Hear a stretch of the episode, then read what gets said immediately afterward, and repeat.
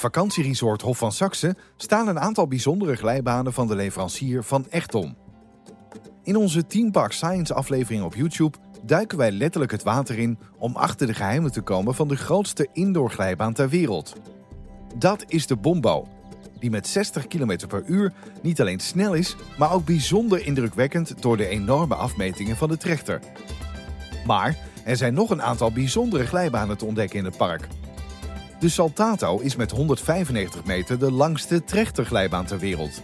En de Intenso is de hoogste bandenglijbaan van de Benelux. En dan heb je ook nog de Presto, de stelste speedslide van Nederland met 60 km per uur. Deze glijbanen worden geleverd door het Nederlandse bedrijf Van Echtom. Een wereldspeler op het gebied van glijbanen en waterparken. En, wellicht niet bij alle fans bekend, inmiddels staan installatie van Van Echtom over de hele wereld en beleven ze op dit moment een van hun betere jaren ooit. In deze podcast praten wij na met de commercieel directeur van Van Echtom over zijn werk, de toekomst van Van Echtom en wat ze nu precies doen. Nou, dan zitten we in het zwembad van Hof van Saxe naast uh, Van Echtom, maar niet Van Echtom zelf. Nee, nee, nee. Van Echtom uh, is een, een, naam die al heel lang bestaat, maar uh, niet mijn achternaam inderdaad. Nee, mijn naam is Jasper Grootveld. En wat is jouw functie? Ik ben uh, operationeel directeur bij Van Echtom. Uh, mijn taak is, is vrij breed. Op dit moment voornamelijk ook een stukje sales, het uitzetten van de lijnen binnen Van Echtom. ik ben veel bij klanten, veel bij grote klanten ook, om ja, eigenlijk gewoon de contacten die we hebben met nou ja, een Hof van Saxe, Centerpark, dat soort bedrijven, om die, om die goed te onderhouden. Uh, en heel veel nieuwe mensen aangenomen het afgelopen jaar, omdat we het enorm druk hebben. Dus uh, ook daar zijn we druk mee om uh, ja, de, de toekomstbestendigheid zeg maar, van het bedrijf te garanderen. Maar als ik hoor dan dat het heel druk is, betekent dat er veel nieuwe orders binnen zijn gekomen? Ja, absoluut. We zijn eigenlijk vorig jaar gelijk geswitcht om ons volledig weer op de Nederlandse markt te concentreren. Wat we van oudsher altijd gedaan hebben, maar steeds meer wereldwijd zijn gaan werken. Uh, en we zien eigenlijk nu uh, al een, een, dubbele orderportefeuille ten opzichte van vorig jaar op de Nederlandse markt. Dus we mogen niet klagen. Dus de investeringen gaan door. Als ik nu op jullie homepage kijk, dan zie ik daar twee dingen die waar ik het over wil hebben. Dat is het innovatief design, wat jullie zeggen. Ben ik benieuwd naar wat dat is. En dat jullie ook memorabele experiences maken. Ja. Dat vind ik bij twee, ja, dat, dat, dan heb ik vragen. Maar laten we bij het eerste beginnen. Innovatief. Wat maakt van echt om dan innovatief? Nou, kijk, het voordeel is wij doen alles van A tot Z zelf. En zoals je ook hier bij Hof van Saxe ziet, uh, in dit geval wilde de eigenaar toen gewoon de grootste koon ter wereld hebben. Uh, die hebben we ontwikkeld, hebben we gemaakt en hebben we neergezet. Dus dat is natuurlijk op dat gebied uh, innovatief. Uh, maar verder zijn we ook gewoon dagelijks bezig om te kijken wat kan er anders. Kunnen we andere type banen maken? kunnen we met, nou ja, ik zei net al, met zes mensen in zo'n band naar beneden. Dan gaan we dat testen. Dan gaan we kijken wat we aan moeten passen. Dus op die manier zijn we continu bezig om te kijken wat kan er anders. Hoe kan het leuker? Hoe kan het spannender of veiliger? En houden we ons daar druk mee bezig. En dat memorabele dan? Nou ja, ik weet niet of je al van de Bombo bent geweest. Maar... Verleden jaar, verleden jaar, ja. Nou, ik denk dat je dat nog goed voor, een, uh, voor de geest kan halen hoe dat was. Ik vond het doodeng. nou ja, ook dat is een uh, memorabel moment. Uh, maar het is natuurlijk gewoon een fantastisch iets. Zeker voor kinderen, maar ook voor ouderen. een, een glijbaanpark waar je af bent geweest, dat onthoud je. Dus dat zijn gewoon de memorabele momenten die wij mogelijk maken. Het lijkt me ook een lastige branche waar jullie in zitten. Want net als bij Achma-leveranciers heb je de Vercoma's, de B&M's, de Intamins. Dat heb je in de waterglijbanenindustrie ook. Whitewater West uh, uh, heb je. Je hebt natuurlijk ook ProSlide uh, van Echtdom, ook een van de grootste spelers. Hoe onderscheiden jullie dan van de rest? Want stel, ik wil een glijbaan kopen. Misschien een concrete vraag. En goh, ik heb een, een, een offerte liggen van, van ProSlide en van Echtdom. Waarom moet ik dan jullie kiezen? Wat maken jullie anders? Um, nou, er zit natuurlijk een verschil in. Um, de, de, namen die je noemt zijn echt wereldwijde spelers zoals wij dat ook zijn. Maar wel uh, met best wel een specialisatie op bepaalde type glijbanen, maar ook op landen. Uh, wij zitten bijvoorbeeld niet uh, in de kant van Amerika, Canada, dat soort landen waar, uh, waar die jongens weer heel, heel groot zijn. Um, en het verschil wat je ook ziet is dat zij zeker in de Nederlandse markt eigenlijk niet aanbieden. Um, dus daar zijn wij vaak toch wel de eerste aanspreekpersoon, ook vanuit kostenpunt. Ik bedoel, zij moeten toch overzees de producten leveren. en wij leveren echt van, van de lokale zwembaden met hele kleine banen tot een project als Hof van Saxe. Um, een Hof van Saxe zal wel gaan shoppen natuurlijk voor, voor ook de grote leveranciers. maar daar kunnen wij vaak toch ook weer het onderscheid maken met onze Nederlandse engineers, onze Nederlandse fabriek, de ondersteuning die wij kunnen bieden, onze contacten die we hebben met alle architecten in Nederland. En, en die samenwerking maakt toch wel dat wij vaak dan de opdracht gegund krijgen.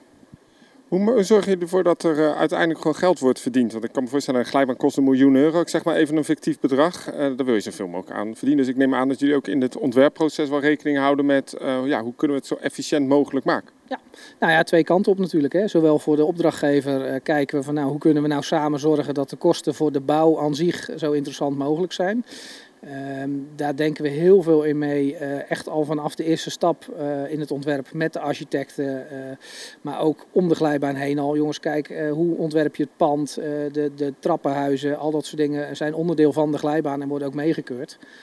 Um, dus wij zorgen echt van A tot Z in het hele proces dat de klant volledig geïnformeerd is wat er nodig is. Um, en daarnaast kijken wij natuurlijk intern gewoon continu van nou, hoe kan het beter, hoe kan het sneller. We zijn ook over weer naar nieuwe 3D-tekenprogramma's om nog meer snelheid te brengen in het ontwerp. Uh, om, om eventuele fouten uit de processen te halen. Uh, en zo zijn we continu bezig om zowel intern als extern dat proces te verbeteren. Wat ik heb geleerd is dat ehm, ik dacht eigenlijk gewoon, jullie hebben een paar mallen. Daar kun je een beetje een bochtje naar links, bochtje naar rechts, een beetje naar beneden, een beetje naar boven misschien zelfs. Maar dat is wat ingewikkelder. Ja, ik, uh, nou, ik denk haast niet dat ik overdrijf als ik zeg dat we misschien wel duizenden mallen hebben.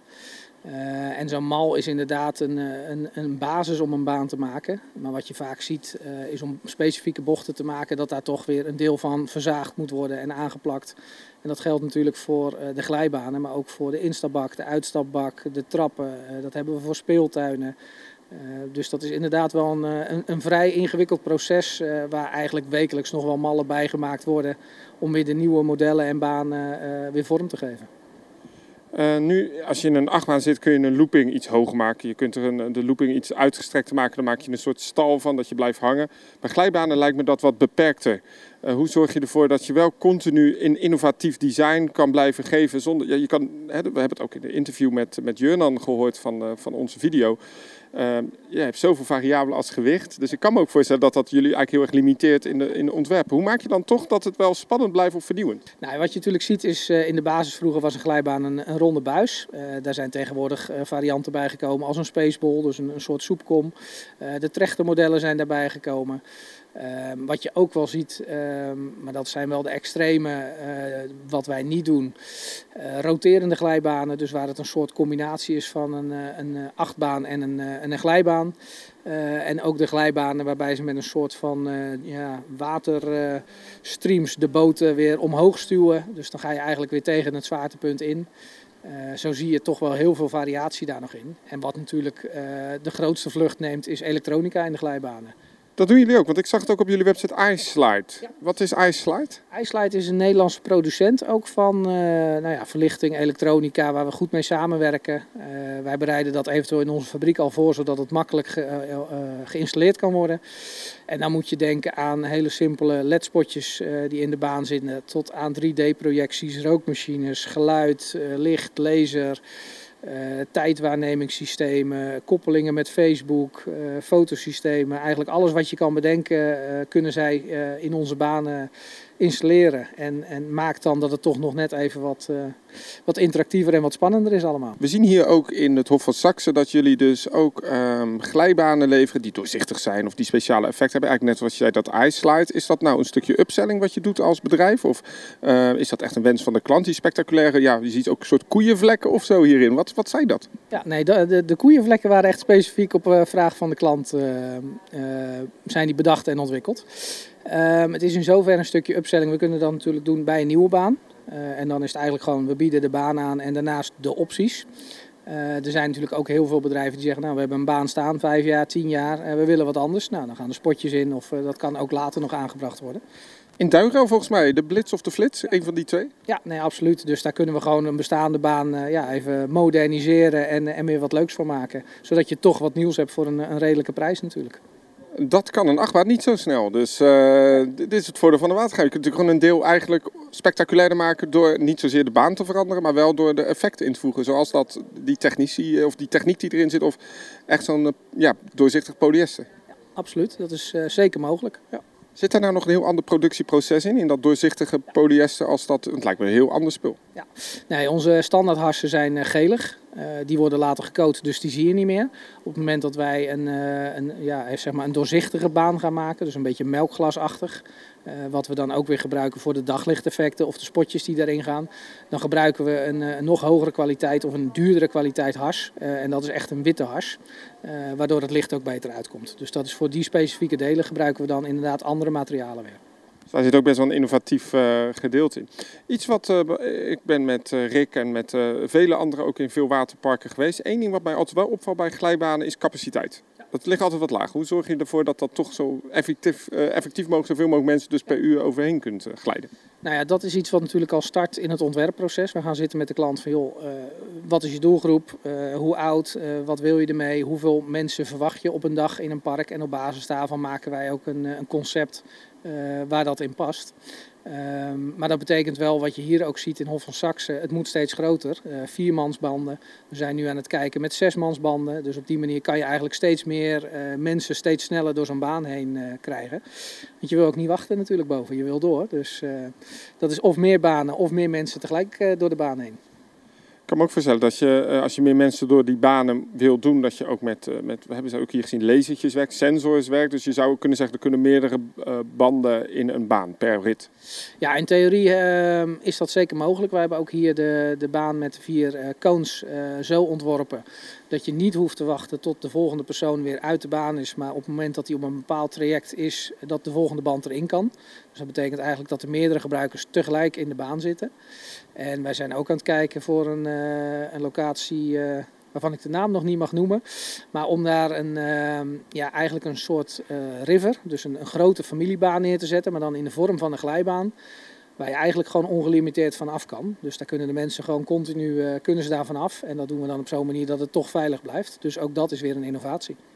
Je zei aan het begin van het gesprek ook van, nou, dat uh, vooral de Nederlandse markt nu booming is. Er zijn veel dingen. Wat, wat zijn dan de trends die je nu ziet in de, in de waterparkenindustrie of in de glijbanenindustrie? Ja, nou, je ziet voornamelijk uh, los van de glijbanen die natuurlijk gewoon ja, op een gegeven moment ook vervangen worden. We hebben natuurlijk, omdat we het al zo lang doen, banen van meer dan 30 jaar oud die gewoon toch op een gegeven moment vervangen moeten worden. Want ze slijten dan?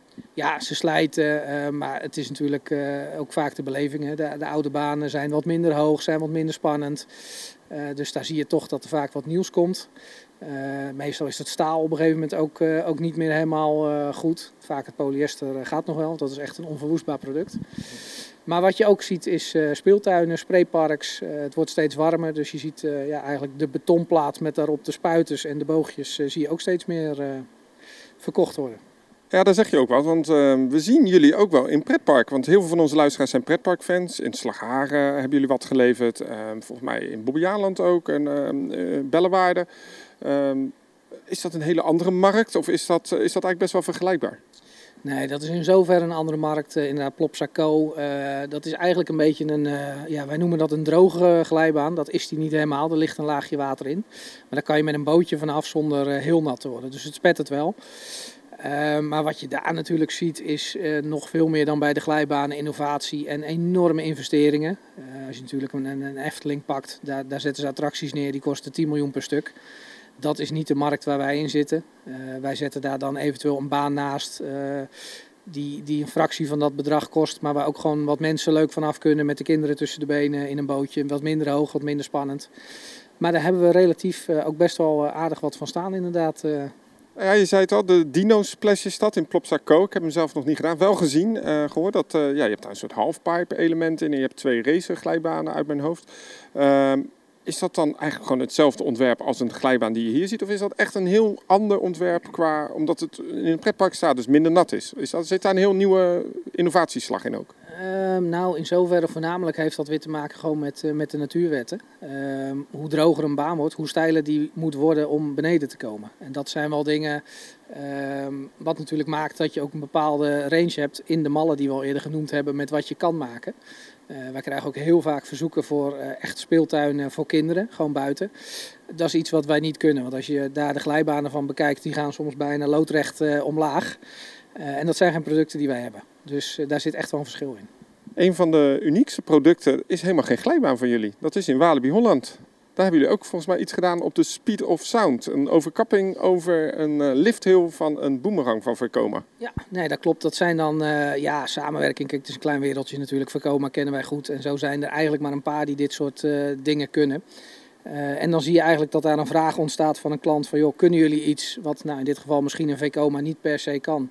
En die komen dan bij ons en dan ontwikkelen we dat samen. Dus mooie projecten. Dat zijn een heel mooi project, want zo heb je toch uh, een, extra stukje beleving uh, daarin. Ja, eigenlijk een beetje het laatste gedeelte van dit uh, interview ben ik heel erg benieuwd. Waar staat van echt om dan over vijf à tien jaar? Wat kunnen we nu nog verwachten van jullie de komende periode? Wat je mag zeggen natuurlijk. Nou ja, kijk, ik denk dat Van Echtdom is natuurlijk een bedrijf ehm, wat zich gewoon al heeft bewezen op de markt. maar wat zeker nog steeds groeiend is. de, de markt aan zich groeit ook steeds door en wordt steeds meer geïnvesteerd. Uh, we zijn nu, uh, we noemden net Vercoma, maar is een van de mensen uh, waar we in een project zitten. Ehm, in een project in Saoedi-Arabië zijn we nu aan het kijken of we dat binnen kunnen halen. daar gaan ze eigenlijk een nieuwe stad bouwen voor, ik dacht iets van 8 miljard. met Formule 1 circuits en alles erop en eraan. Waar ook een waterpark moet komen. Nou ja, dat zijn natuurlijk dingen wat altijd interessant is om, om in mee te gaan. Um, ja, dus waar zie je ons? Ik, ik denk eigenlijk zie je ons steeds meer nog steeds. In Nederland zie je ons overal, in Europa zie je ons veel, maar wereldwijd zie je ons ook steeds meer. Dus uh, over vijf of tien jaar uh, zal dat alleen maar nog meer zijn, denk ik. Maar als jullie zo druk zijn, mag ik een hele brutale vraag stellen? Jazeker. Mogen wij niet een keer langskomen in de fabriek om eens gewoon in Teampark Science op te nemen van hoe maak ik nu een glijbaan? Ja, nee, absoluut. Dat uh, is zeker mogelijk. Bij deze uitgenodigd. En uh, dan gaan we daar een leuke dag van maken. Dan kan je precies zien uh, hoe het ontworpen wordt, hoe het geproduceerd wordt en waar we op dit moment mee bezig zijn. Het geluid wat we nu horen is uh, de Wildwaterbaan wordt opgestart voor ons. Dus wij gaan verder met de opnames. Dankjewel voor je tijd. Leuk om uh, eens een keer met Van Echt om te praten. Een van de grootste Nederlandse waterparkspelers, mag ik dat zo zeggen. Uh, glijbanenspelers in de wereld. En ik wens jullie heel veel succes. En misschien zien we elkaar wel eens een keer in een park of in een waterpark. Absoluut, gaan we doen. Leuk. Houd Jan. Ja, en uh, de dag zit er bijna op. We hebben gegleden op de glijbanen. Spectaculair, Rick. Ja, het zijn mooie, mooie apparaten zijn het. En uh, ik vind het wel heel mooi dat het een volledig Nederlands product is. Dat je, ja, dus toch een beetje trots. Uh, maar ja, ze zijn gewoon ook leuk. Die bombo, dat is echt fantastisch. Dat je zo 10 meter naar beneden glijdt en dan door zo'n grote trechter heen gaat. Ja, dat vind ik heel mooi. Ik vraag me dan gelijk altijd af, heb jij nou nog wat geleerd vandaag? Ja, zeker. Uh, het is altijd interessant om met uh, een leverancier zoals Van Echt om te praten. Uh, ja, hoe, hoe berekenen ze nou die banen en hoe produceren ze dat? waar zitten de verschillen in? zoals het verhaal met, met die, die lichtgevende stukken in de baan, dat dat een ander soort hars is. ja, dat, dat wist ik nog niet komt nog best wel veel bij kijken, ook bij zo'n ontwerp. Want ja, ik dacht gewoon echt letterlijk mannetjes achter elkaar hangen en een beetje naar links en een beetje naar rechts. Nee, ja, dat, dat is heel lastig. Hè? Je hebt natuurlijk zo'n glijbaan, dat is een driedimensionaal product. Dus je moet zorgen dat het begin en het eind, dat moet wel goed aan elkaar zitten. Uh, dus op zich, uh, ja, uh, zeker als je vier glijbanen en straks vijf dus door elkaar heen hebt lopen, dat is wel een uitdaging om dat driedimensionaal allemaal goed te doen. Wat me ook opviel, wat liepen doorheen, die dingen bewegen best. Ja, um, dat merk je op zich niet zo als je erin ligt. Um, maar uh, ja, op zich is dat niet slecht. Nee, want ik ben dan altijd bang, is dat dan uh, wel veilig? Nee, in principe elk materiaal buigt door. Uh, alleen het moet niet te ver doorbuigen, maar in, in principe is dat allemaal doorberekend en is dat veilig bevonden door een TUF als keuringsinstantie. Wat heb jij vandaag geleerd, Jurnan? Nou, ik vond het heel leuk om uh, met de beste man van Van Echtdom even te spreken. En over uh, hoe zij eigenlijk wil, zoveel mogelijk gebruik willen maken van die bestaande mallen bij het ontwerp van zo'n glijbaan. Dat dat vaak ook lukt, want dat is natuurlijk goedkoper. Maar dat hierin hè, heb je zo'n zo'n complex project dat je er eigenlijk niet aan ontkomt om toch dan maar een half deel te maken, te zagen, een nieuwe flens eraan. Dus dat dat toch nog best wel veel custom, uh, custom made uh, werk is. Ik zie, uh, zo'n glijbaan bestaat voornamelijk uit heel veel polyester, ook best wel wat staal. Je bent natuurlijk de man van, de, van het staal. Um, ja, wat zijn die eigenschappen van dat polyester nou eigenlijk? Nou, kijk, in tegenstelling tot uh, staal bij een achtbaan heb je bij polyester geen last van uh, vermoeiing. Dus dat is een ontzettend groot uh, voordeel dat je, uh, je hoeft geen lasnaden te controleren elk jaar. Dus je hebt misschien wel uh, randjes die, eh, die, die niet scherp mogen worden door slijtage, et cetera, et cetera. Maar ik denk dat het eh, qua onderhoud een ontzettend eh, prettig materiaal is om mee te werken. Ik zie Rick knikken. Ja, het is een heel duurzaam materiaal. Hè? De man van, van Echtom zei net ook van... eh, eigenlijk zien we bij de oude glijbanen dat we vooral het staalwerk moeten vervangen en niet zozeer de polyester delen. Eh, dat doen ze toch, hè? want eh, de- natuurlijk inderdaad, het wordt wat soepeler als je een nieuwe polyesterbaan inlegt. Maar in principe, dat materiaal blijft gewoon goed. Maar waarom moet je het staal vervangen? Want dat dat is niet zoals een achtbaan. Komt er een karretje elke 30 seconden bewijs overheen. Waarom moet je nou staal van een glijbaan vervangen? Nou, er zit een component eh, bij wat bij achtbanen niet zozeer een probleem is en dat is water. En eh, ja, dat, dat zijpelt toch een beetje door die polyesterdelen heen. En zelfs al is dat staal verzinkt, hè, dat is een bepaalde behandeling eh, die men doet om te, ervoor te zorgen dat dat staal minder snel roest. Ja, je, je ziet toch, zelfs nu al zie je al kleine plekjes ontstaan. En ja, na 20 jaar kan dat tot een bepaalde hoeveelheid gegroeid zijn. eh, dat je het gewoon niet meer Hè, het is nog wel veilig, maar eigenlijk wil je het niet meer. Dat, dat is een beetje het verhaal daarachter. Waarom wil je het niet meer dan? Nou, als je nog verder laat gaan, dan kan het onveilig worden. Precies, precies, ja. Eh Jurnan, zo'n controle van zo'n glijbaan. Je zei het net al over die naden. Ik vond dat nog best eh, intens. Nou, inderdaad. Eh, je moet toch wel eh, flink wat klim- en klauterwerk eh, verrichten om dat eh, te controleren. En eh, ja, als je dat elke ochtend moet doen, dan is het toch best wel even een klus. Het laatste waar ik met jullie even over wil hebben is nog... eh, ja, een glijbaan heeft een leverancier. Er zijn verschillende leveranciers in de wereld. We hebben er een paar genoemd. Polin is ook een, eh, een grote. Ja, wat is nou het verschil tussen al die leveranciers? Nou, ze hebben ieder wel hun eigen producten. Ehm, dus eh, je ziet bijvoorbeeld bij ProSlide, die zijn heel erg op de, de specials gegaan. Hè? Dus uh, en, eh, en dat soort gevallen. Van Echtdom is weer gespecialiseerd op de Nederlandse markt. Polin doet weer andere parken. Doet weer, hè? Dus er zit gewoon een verschil in de producten. En ehm, ik vond het wel treffend wat die man van, van Echtdom net zei van... ja, wij zorgen ook dat het gebouw eromheen gebouwd wordt, zeg maar. En dat, dat hele pakket verzorgen we. Ja, en ik snap dat daarom een Hof van Saxe zegt... Oh ja, eh, wij willen met jullie als Van Echtom in zee om eh, die glijbanen te leveren. Jurnan, is dat trouwens iets typisch Nederlands dat heel veel van leveranciers van pretparken in Nederland en eh, van waterparken eigenlijk veel meer een all-inclusive iets aanbieden? Want volgens mij Vercoma levert ook de poortjes. Ehm, is dat iets standaards bij eh, leveranciers of is dat iets typisch Nederlands? Uh, dat weet ik eigenlijk niet, maar het is natuurlijk wel een ontzettend goed idee, omdat je als, uh, hè, om je kunt dan gewoon een totaalpakket aanbieden aan een klant. Dus dat je niet uh, zegt van nou ja, ga die hekjes maar ergens anders zoeken en de elektronica ergens anders zoeken. Dat kan ook wel. Het is natuurlijk vaak goedkoper als je zelf gaat shoppen bij allerlei verschillende partijen. Maar ja, dan loop je wel zelf ook natuurlijk meer risico. En je moet het zelf allemaal gaan uitzoeken. Maakt het ook best ingewikkeld. Uh, Rick, jij zei van ik wil nog één ding zeggen over hardlining van uh, glijbanen. Hardlining in glijbanen. Ik weet dat dat zit op achtbanen. Hè, dat, de, dat je zal maar zeggen, de track om jou heen draait in bochten. Dat is een beetje wat hardlining is. Gaan we misschien nog wel een keer wat dieper op in.